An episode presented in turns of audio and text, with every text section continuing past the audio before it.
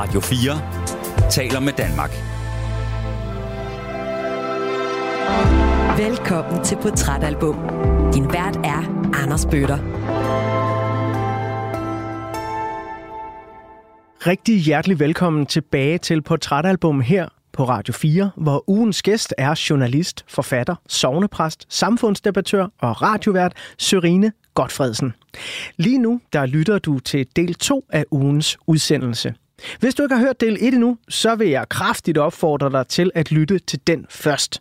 Du kan selvfølgelig finde den der, hvor du finder alle dine podcasts. Og når du så har fundet portrætalbum, og kan du godt lide det, du hører, så tryk lige på den lille knap, hvor der står abonner. Så bliver vi nemlig rigtig glade, mig og min lyddesigner Emil Germod. Sørine har valgt Anne Linnets 1986-album Barndommens Skade som det album, der skal være med til at tegne et portræt af hende.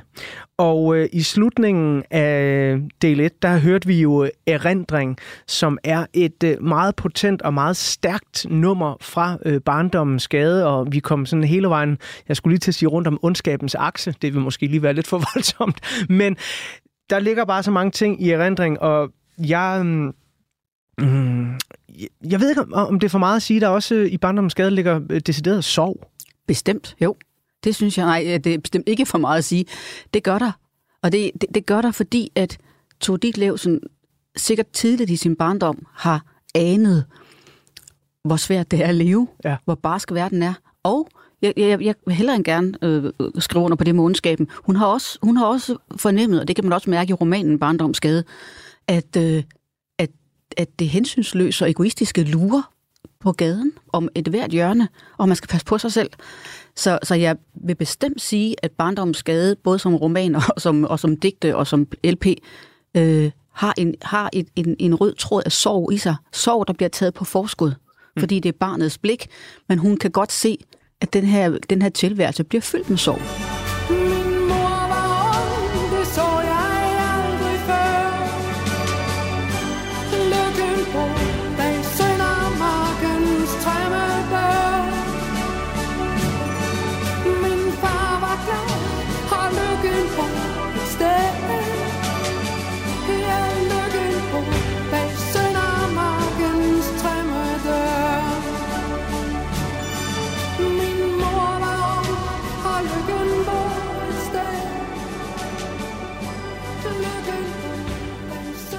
I øh, den første del af ugens udsendelse, der fik vi beskrevet, øh, hvem Sørine Godfredsen var i 1986. Øh, du brugte, eller jeg brugte udtrykket en drengepige, der blev interesseret i fodbold, men verden begyndte også at åbne sig. Der var en øh, forelskelse øh, både i øh, drenge, men så sandelig også til øh, de dyr, ponyen Rosita, som, hvor du netop siger, jamen det at miste Rosita, det var så mange år senere, hun blev 30, var egentlig noget af de, første gang sorg virkelig ramte dig, sorgen af at miste. Og jeg er lidt nysgerrig på, når jeg nu taler med en teolog og præst, så er sorg jo noget, man må bliver nødt til at beskæftige sig med, og det tror jeg egentlig også, det er sundt at gøre. Det er sundt at beskæftige sig med alle livets øh, følelser. Øhm, men jeg er lidt nysgerrig på dig, Sorine, fordi hvis vi lige ser bort fra øh, den hjælp øh, og trøst, man kan finde for eksempel i Bibelen eller i andre storværker i verdenslitteraturen, Hvordan takler du sorg i dit eget liv? På flere måder. Øh, jeg har altid været et menneske, som øh, arbejder meget. Og hvis jeg er ked af det, eller mærker sorg, eller stor bekymring, eller andre af de der ting, så vil jeg ofte håndtere det ved at give mig i kast med noget. Så arbejder jeg, læser, skriver, gør noget. Altså jeg, jeg, jeg, det, jeg synes, det er en ret effektiv øh, måde at øh, holde sig selv i balance. Det er ved at, at gøre noget og dermed få lukket noget opmærksomheden hen på noget andet. Så jeg arbejder meget. Det andet, jeg gør, og det er fordi, jeg er troende menneske, det er, at jeg minder mig selv om, jeg går i kirke, og jeg hører salmer, og jeg gør alt det, som, som man gør som troende. Men jeg minder også mig selv om, at øh, fordi at det guddommelige findes, og fordi evigheden findes, og det himmelske findes som en et, en relation til det jordiske, så tror jeg så meget på, og har vendet mig så meget til at tænke, at alt, hvad man kommer ud fra her på jorden, er lidelse og smerte og sorg og, og noget, som man i øjeblikket ikke forestiller sig, man kan overkomme, at det er relativt, og det går over. og det er noget andet, der er absolut. Det er Gud, der er absolut. Det er godheden, det er frelsen, der er absolut.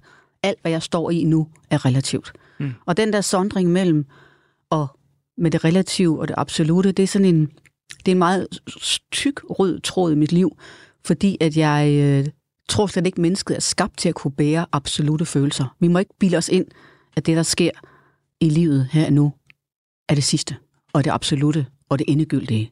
Det vil blive modsvaret af noget andet. Derfor kan jeg godt bære det nu.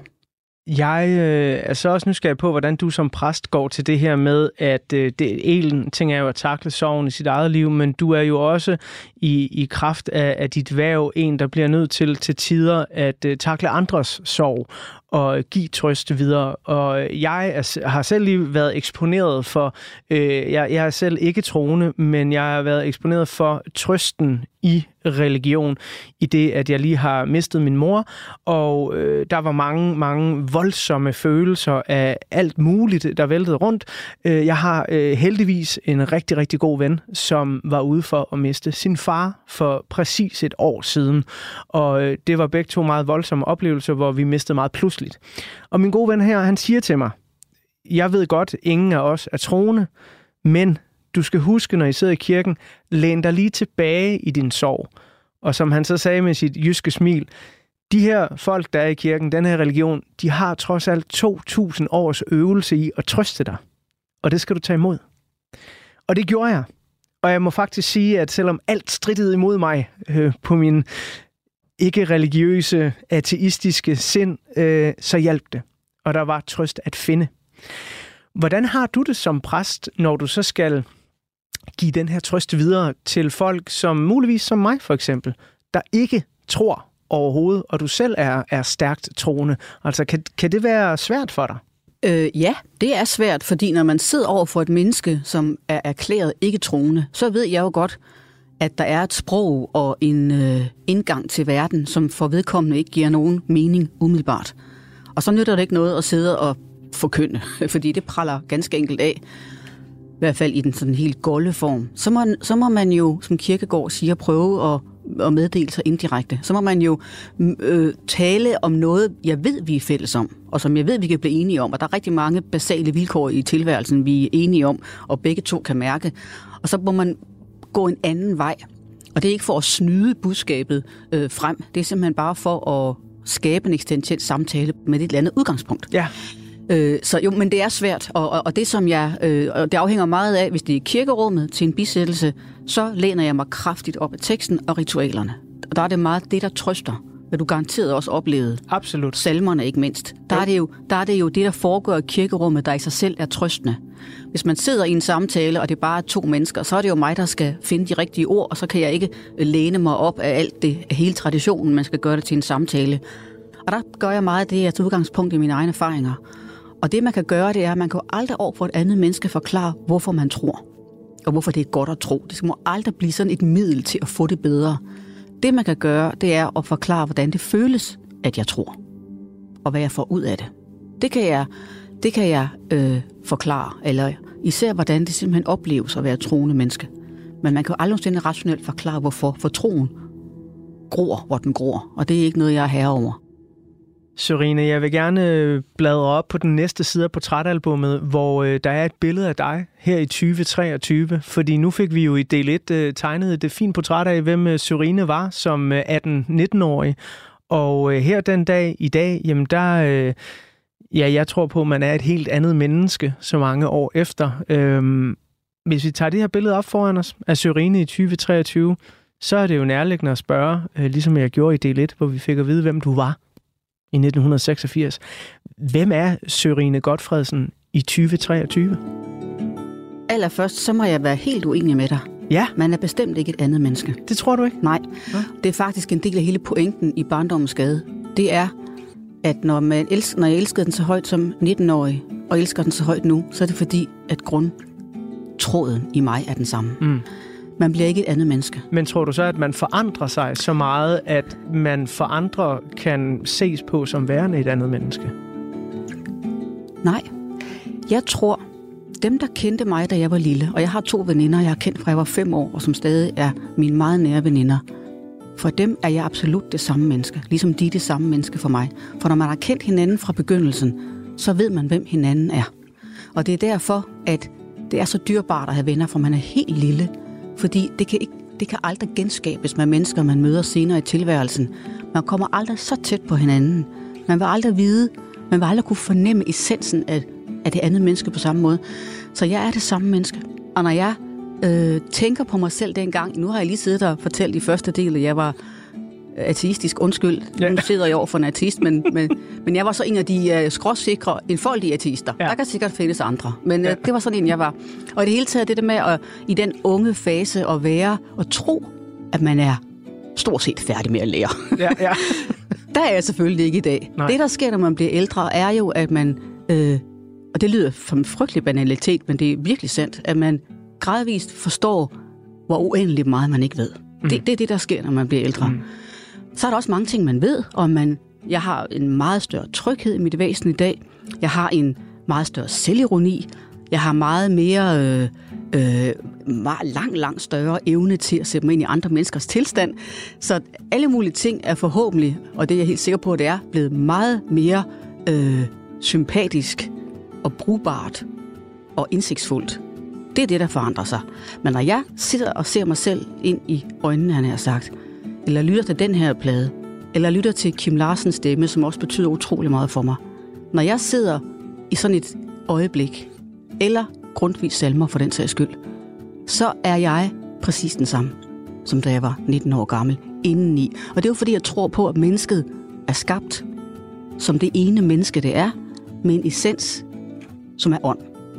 Og i mit tilfælde, og i dit tilfælde, der kan det ikke rokkes grundlæggende, hvem du er. Den kerne inde i dig, den er ude af vores hænder, og den er ude af de, de jordiskes hænder. Det, ja. er, det, det skabte dig. Men nu bliver jeg jo selvfølgelig religiøs i tonen. Det er meget. Det, må, det må du lige absorbere. Jamen, det, det absorberer jeg, og jeg respekterer det også. Jeg er bare dybt uenig. Ja, du er dybt uenig, og det er derfor, at, men det er derfor, jeg siger, at jeg er meget uenig med dig i, at man er en anden, fordi man er den samme. Ja. Okay.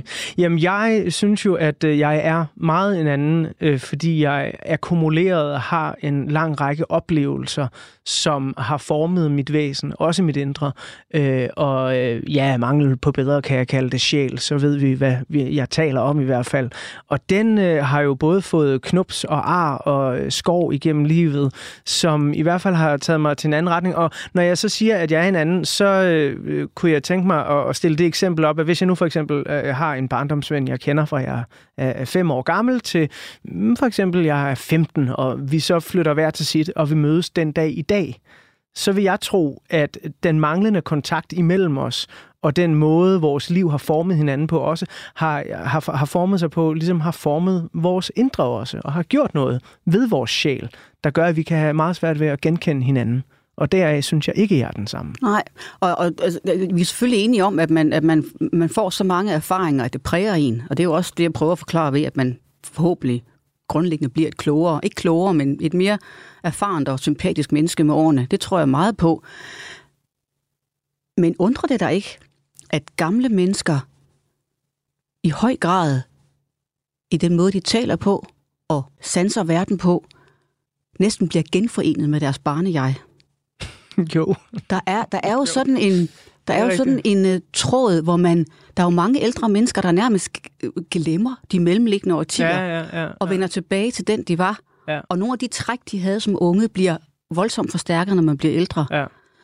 Jeg synes, der er en, en, en, og jeg synes, det er meget smukt, og jeg synes, det er på mange måder bekræftende, at man skaber et, en cirkel i sit liv. Ja.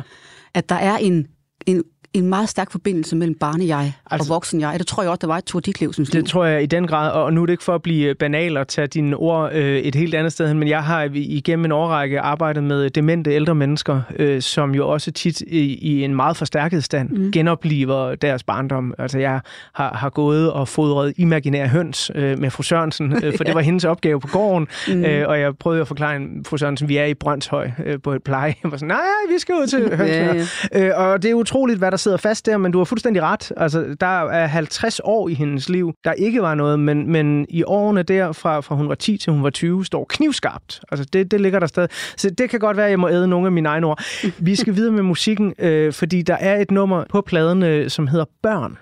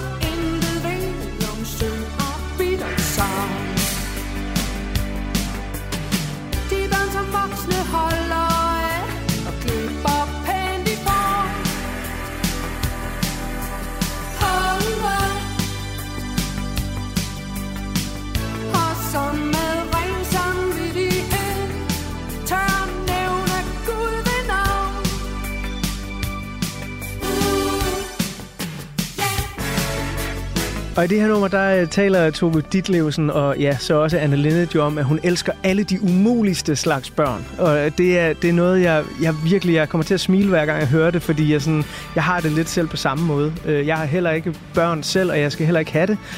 Det er ikke lige noget for mig. Men jeg kan sagtens møde børn, hvor, hvor jeg bliver dybt fascineret af det her lille væsen, og tænker sådan, gud, hvor er det fantastisk, at, at det her menneske er her. Og jeg knokler lidt med mig selv og finder ud af, om, om, øh, om barnet er øh, et ufærdigt menneske, eller det voksne menneske er et ødelagt barn. Altså, det er den voksne, der er blevet ødelagt. Det, det kan jeg bruge meget tid på. Men det leder jo ind i en snak, øh, som jeg faktisk også var forbi, da jeg besøgte Rit Bjergård og snakkede med hende om øh, Tove Ditlevsen og Anna Linnet. Øh, Rit Bjergård, hun øh, havde valgt et liv uden børn med sin mand øh, Søren øh, af, af forskellige grunde. Og jeg ved jo, at du øh, har fundet kærligheden. Det kan man høre om i dit øh, radioprogram. Og tillykke med det jo, at du er Mange næsten tak. lige blevet gift. Ja, det er snart et år siden. Ja. Nej, hold da op. øhm, og så er der jo det der helt naturlige øh, pisseirriterende spørgsmål, som samfundet altid kommer med. Hvad med børnene? Hvad med børnene? Det får jeg stadigvæk. Skal du ikke snart have nogle af dem der? Hvordan har du det med den del af kærligheden og, og livet? Øh, er det noget, du gerne vil? Øh, nej, og nu er jeg jo også alt for gammel. Nu er det jo, øh, det er jo bestemt ikke relevant længere, men da det var relevant, der øh, var det, det har aldrig været et ønske hos mig at få børn.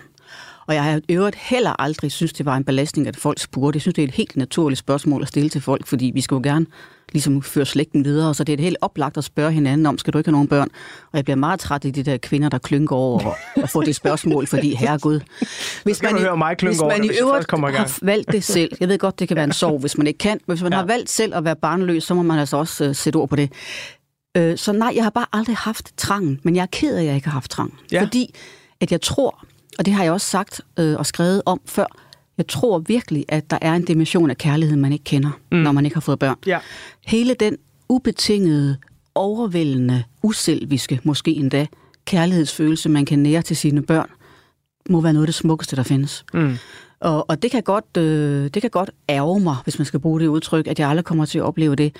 Så, så jeg synes, det er trist, at jeg aldrig har haft trangen. Ja. Men jeg tror så gengæld også, der er kvinder, som bare ikke har den. Altså, det, det er ikke indlysende, at alle kvinder også, længes mænd, efter at få børn, og, Ja. og, og mænd selvfølgelig også, ja. Hvis jeg havde mødt en mand meget tidligere i mit liv, som havde syntes, det var simpelthen bare det, vi skulle, mm. så var jeg sikkert blevet overtalt til det. Men det skete ikke. Og der er også tilfældigheder på spil i ens tilværelse. Og jeg var, som jeg sagde tidligere, længe om at blive imod en kvinde. Så det var jeg havde også lidt tiden imod mig. Så, så det har bare aldrig været et tema. Øhm, jeg kan godt lide børn, og jeg, og jeg må indrømme, at jeg synes, det er højst bekymrende, at vi lever i en tid, hvor det sådan begynder at blive smart at sige, at man aldrig vil have børn, og fremtiden duer ikke, og sådan noget. Det, det er virkelig ikke godt. Noget at få børn er der noget af det smukkeste, der findes. Og et af de mest ædle bidrag til vores samfund, det er der at sætte børn i verden. Øh, og der har jeg bare en meget dårlig sag, fordi jeg ikke selv har gjort det, men jeg har aldrig ønsket det. Jeg kan i den grad godt identificere mig med, øh, lad os bare kalde det sorgen over ikke at have haft trangen, fordi den har jeg selv. Øh, det er ikke for, altså, jeg, jeg har undret mig, og jeg har stået uden for samfundet, hvor alle, øh, også mænd i min omgangskreds i 20'erne, begyndte at sådan, åh, det kunne være dejligt at have en lille knæk, der går til fodbold med, eller øh, pigerne havde, jamen, altså, der ligger jo også en, en, en helt biologisk ting, hvor jeg kan forstå i hvert fald på mange af mine veninder, at der er en trang, der melder sig. En trang, der aldrig nogensinde har meldt sig hos mig. Og jeg undrer mig. Og det er et for mig, jeg, jeg står uden for mange forskellige fællesskaber i samfundet af, af forskellige arter. Det kan være popkulturelle præferencer, eller hvad det nu kan være. Men at stå uden for det fællesskab, at man ikke har lysten til mm. at have børn, det synes jeg faktisk har gjort ret ondt. Men du har ikke nogen forklaring på det? Nej, det har jeg ikke, fordi det, der, der er intet... Øh, altså, skal vi gå banal psykolog på den, øh, kan man sige barndomstraumer, et eller andet, der er sket eller noget. Der, der er ingenting, og, og heller ikke, altså alle i min øh, nærmeste familie har børn, øh, mors øh, familie på hendes side, fars familie på sin side og noget. Så, så jeg, jeg, jeg står undrende tilbage over for, øh, hvorfor det øh, ikke er sket. Men ligesom dig, så har jeg det måske også sådan, at havde jeg nu mødt en, øh, hvor det havde været det primære drivkraft i livet, at øh, jeg vil rigtig, rigtig, rigtig gerne have børn, så var jeg nok også jamen, ja, i gåsøjne blevet overtalt til det. Og så Jeg tror i hvert fald, at man, øhm, det, der, det, der virkelig ærger mig, det er, at jeg ikke, og det kan jeg så gøre med andre menneskers børn, men at det er jo, det er jo en meget stor oplevelse at få lov at videregive livet. Mm. Ikke fysisk nødvendigvis, men også at fortælle et barn om, hvorfor er alting, som det er. Ja. Det her med at svare på deres spørgsmål, og, og efter bedste evne øh, føre dem ind i tilværelsen på en opbyggelig, realistisk, øh, sådan... Øh, ja, sådan en omsorgsfuld måde, hvor man ikke pakker dem ind i vat, men prøv at forklare dem, hvad, hvad, hvad man selv har lært. Det er jo skønt at give sin, give sin viden videre. Ja. Det, det, det, det savner jeg at gøre.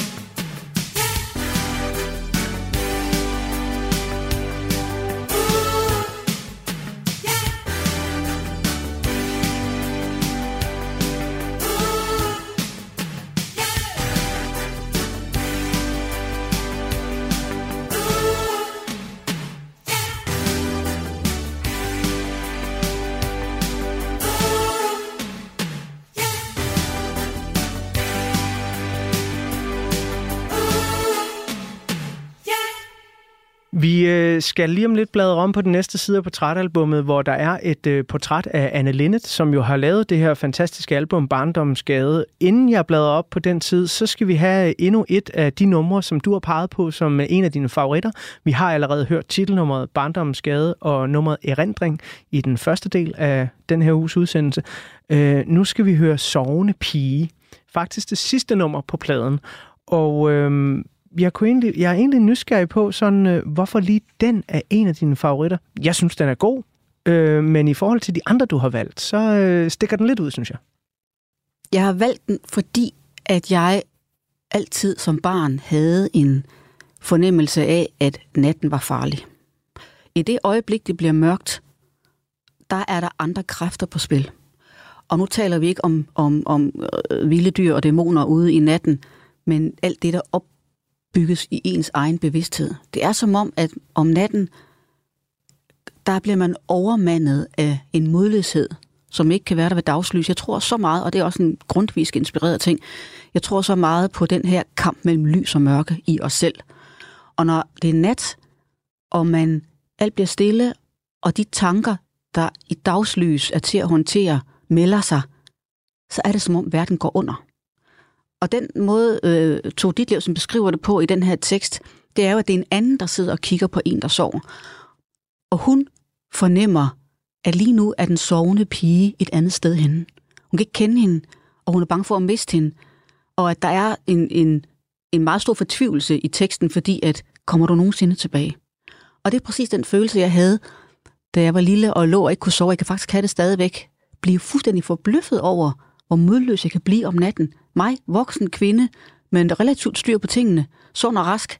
Hvorfor kan jeg blive så slået ud om natten?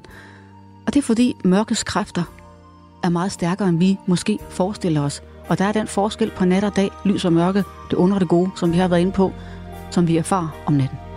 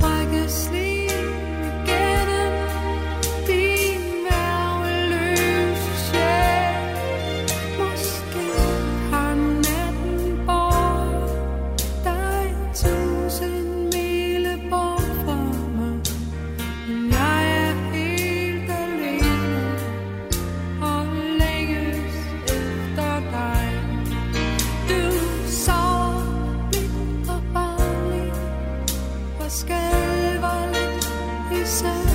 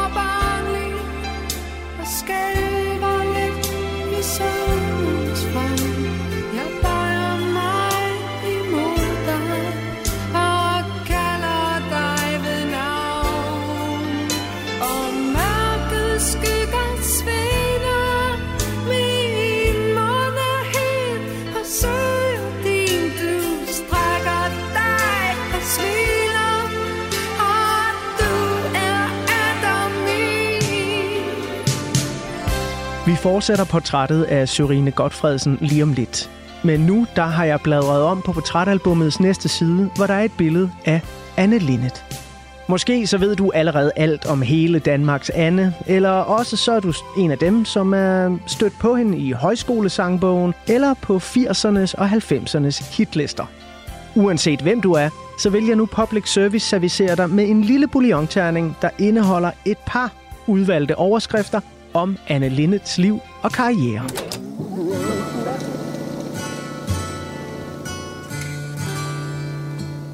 Anne Christine Kjær Lindet kommer til verden en juli sommerdag i 1953 i Åbyhøj, Aarhus. Hendes far er overkirurg, moren tandlæge, og lille Anne viser som barn sine sangtalenter frem i lokale gospelkor. Allerede inden hun kommer ind på det jyske musikkonservatorie i begyndelsen af 70'erne, bliver hun et kendt ansigt i det aarhusianske musikmiljø, hvor hun spiller sammen med sin kommende mand, Holger Laumann, i den jazzinspirerede rockgruppe Tears. You don't like sleeping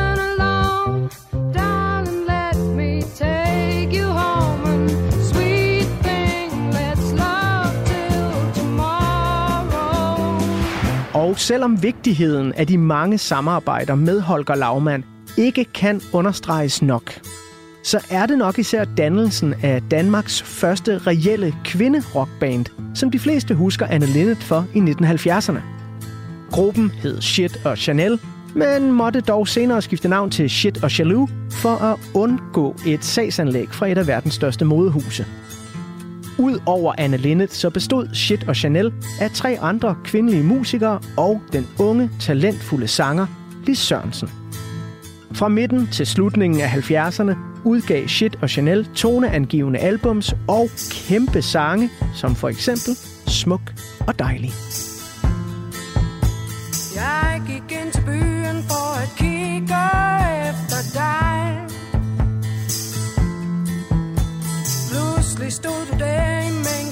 og smilede til mig mm. Ja, alle folk kan se det straks Du er så smuk og dejlig Dine øjne skinner, du må hellere passe på Shit og Chanel spiller deres sidste koncert til åbningen af Musikhuset i Aarhus i 1982. Et par år forinden har Anne Linde dog allerede haft stor solosucces med hendes første Tove Ditlevsen inspirerede album Kvindesind. Ligesom hun har dannet supergruppen Anne Linnet Band sammen med Lis Sørensen og Sanne Salomonsen. De hitter blandt andet stort med nummeret Det er ikke det, du siger, og får i øvrigt kæmpe comeback-succes, da de spiller koncerter sammen i 2019. Hvis du vil høre mere om Anna Linnet Band, så skal du finde det afsnit af Portrætalbum, hvor jeg har besøg af tv-vært Puk Elgård.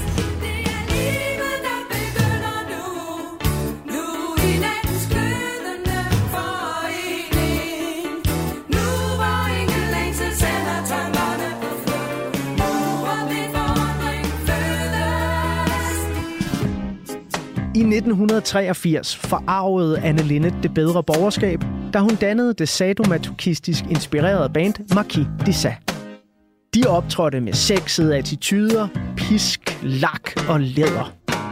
Men til trods for rynkede bryn og bekymrede løftede pegefingre, så hitter også denne gruppe med sange som den for sin tid provokerende Hils din mor. En sang, som Anne Linnet har skrevet til mødrene til de lesbiske kvinder, hun har haft sex med. Og så var der jo så også den der lille labre sag. Glor på vinduer. Går gennem kigger på ser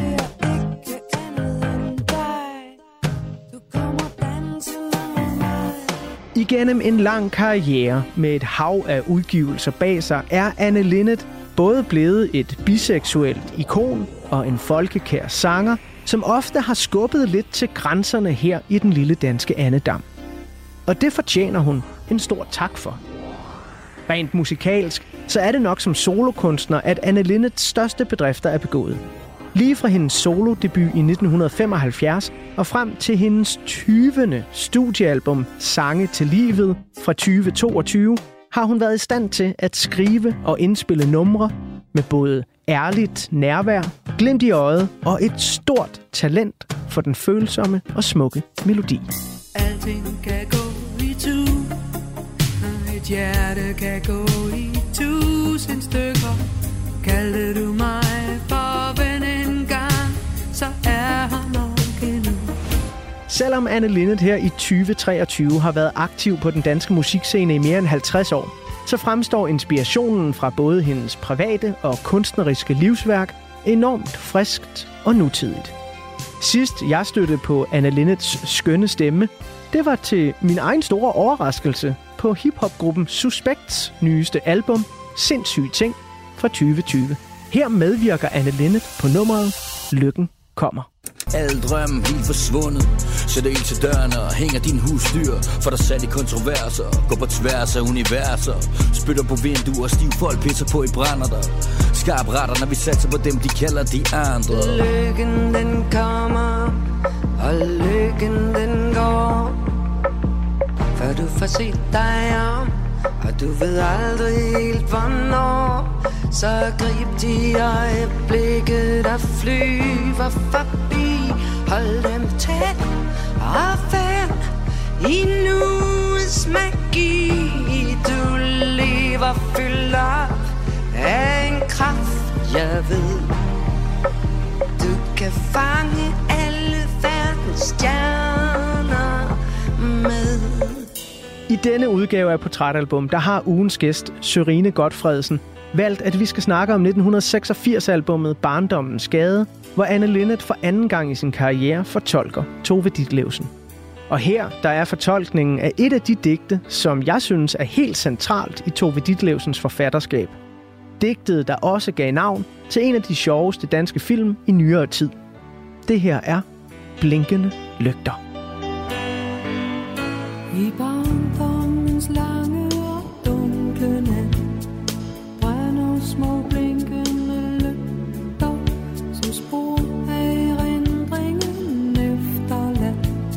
Mens hjertet fryser.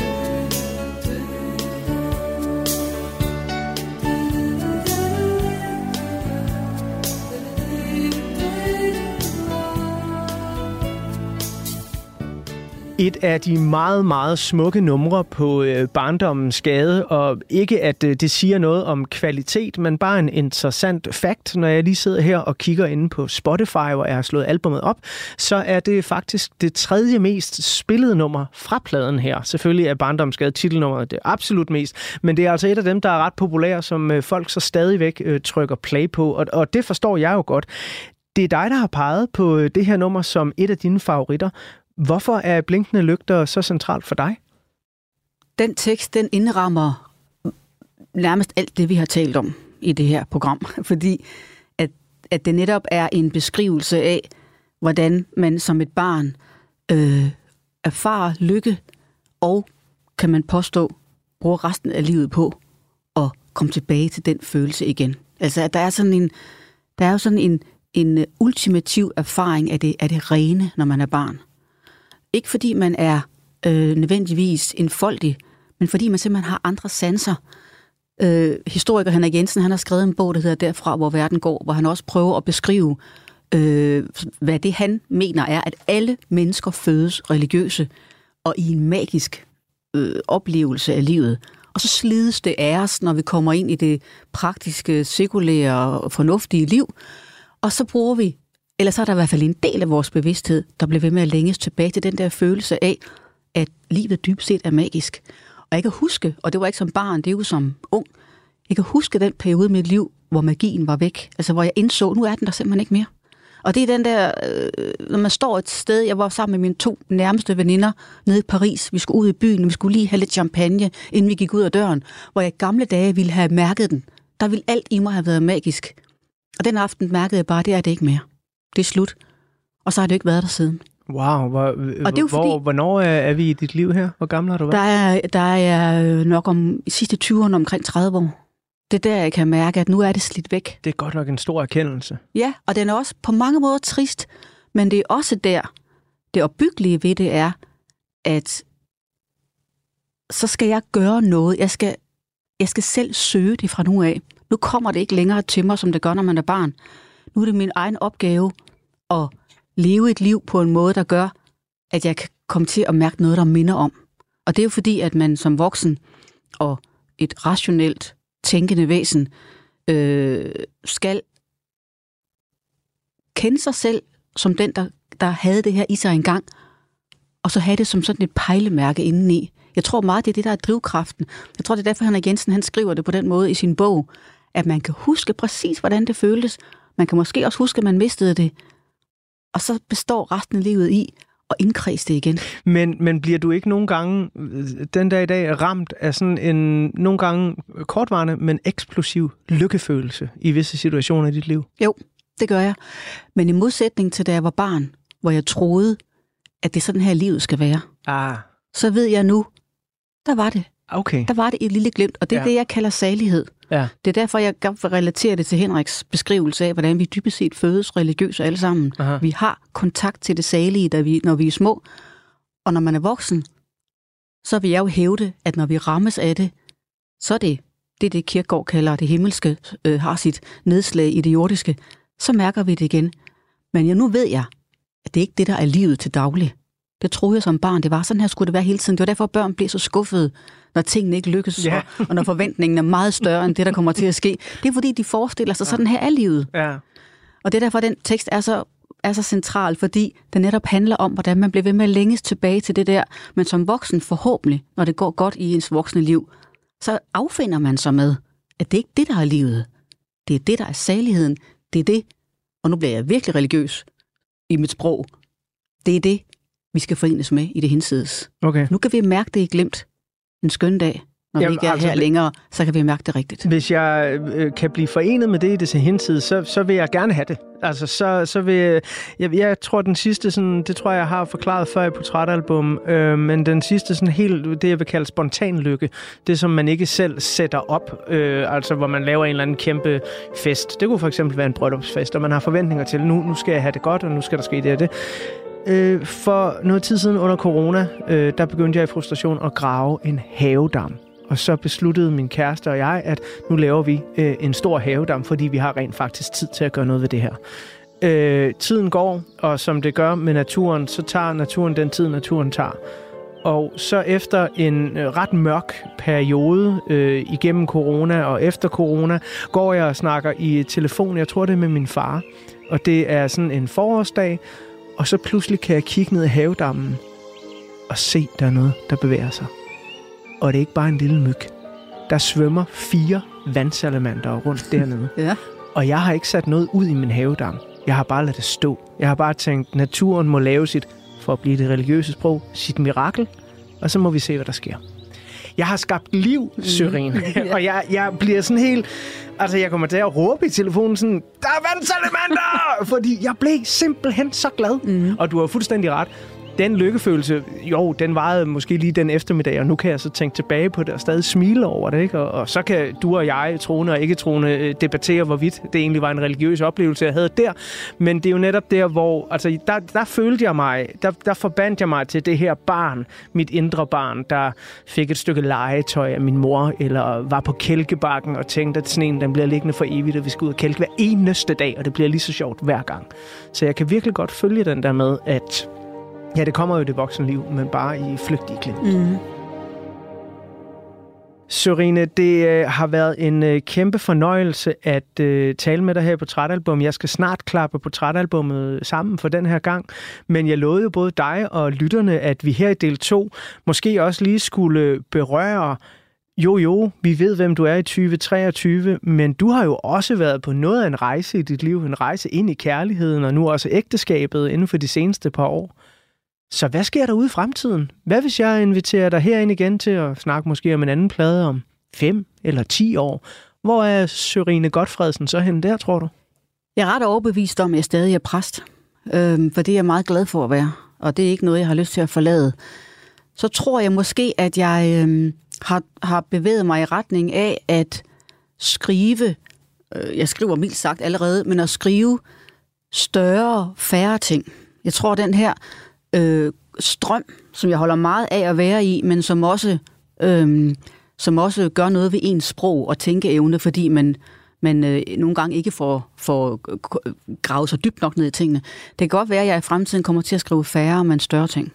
Og fordi at jeg tror, med alderen, der kan man godt få en, øh, en større længsel efter at, øh, at sidde lidt afsondret og arbejde med noget sådan virkelig intensivt. Øh, så jeg tror noget af jeg kom til at skrive og arbejde i en lidt, i en lidt andet tempo. Jeg har ikke fået børn, fordi det er øh, absolut passé.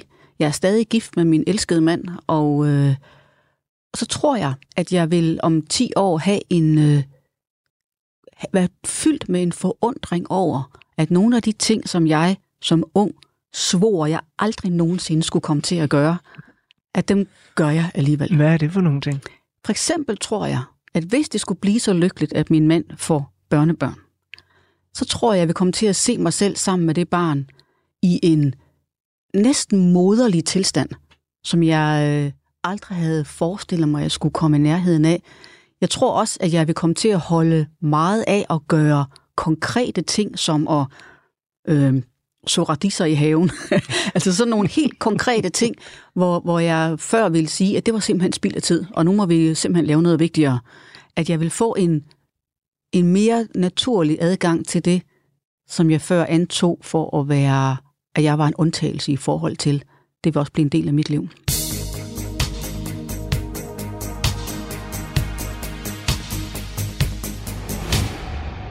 Det var en meget øh, smuk måde at øh, skulle begynde at klappe portrætalbummet sammen på. Vi har et nummer tilbage, og det har jeg tilladt mig at udvælge. Øh, jeg har valgt, at udsendelsen skal slutte med nummeret for sidste gang. Og det er et nummer, hvor Tove Ditlevsen forestiller sig, hvordan hun bliver begravet, og mange år senere så bliver fundet af en ung arkeolog, som graver hende op og stryger hendes lange, lysende hår. Og det, jeg synes simpelthen, det er så eminent skrevet. Den slutter med nogle virkelig, virkelig smukke linjer, som jeg lige vil tillade mig at citere her.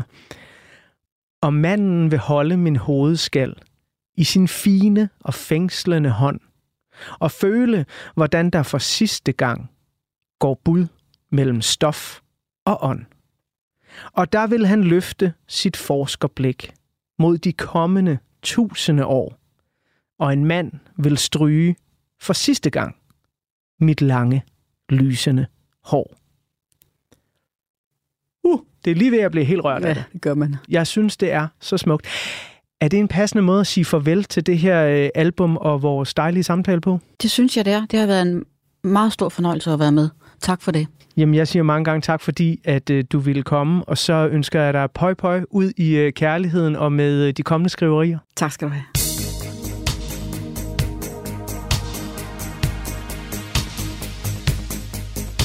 Når jeg er død og verdens lys går bort i et stjernespor Skal I lægge mig ned et sted på en mark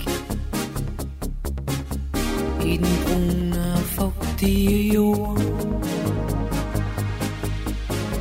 Ingen kiste skal lukke sit dræbende låg over det, der var mig. Jeg vil lytte til fodtrin, der kommer og går. Over menneskets evige vej. Og vinter og sommer skal skiftende gå Forbi min tusind og strøm.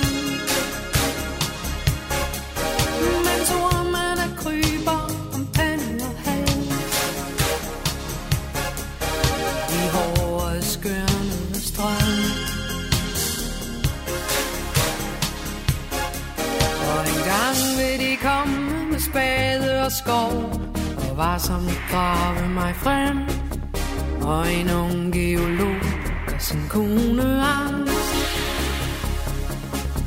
ved at tage mit skelet med hjem. Måske vil han holde min hovedskal i sin fine og fængslende hånd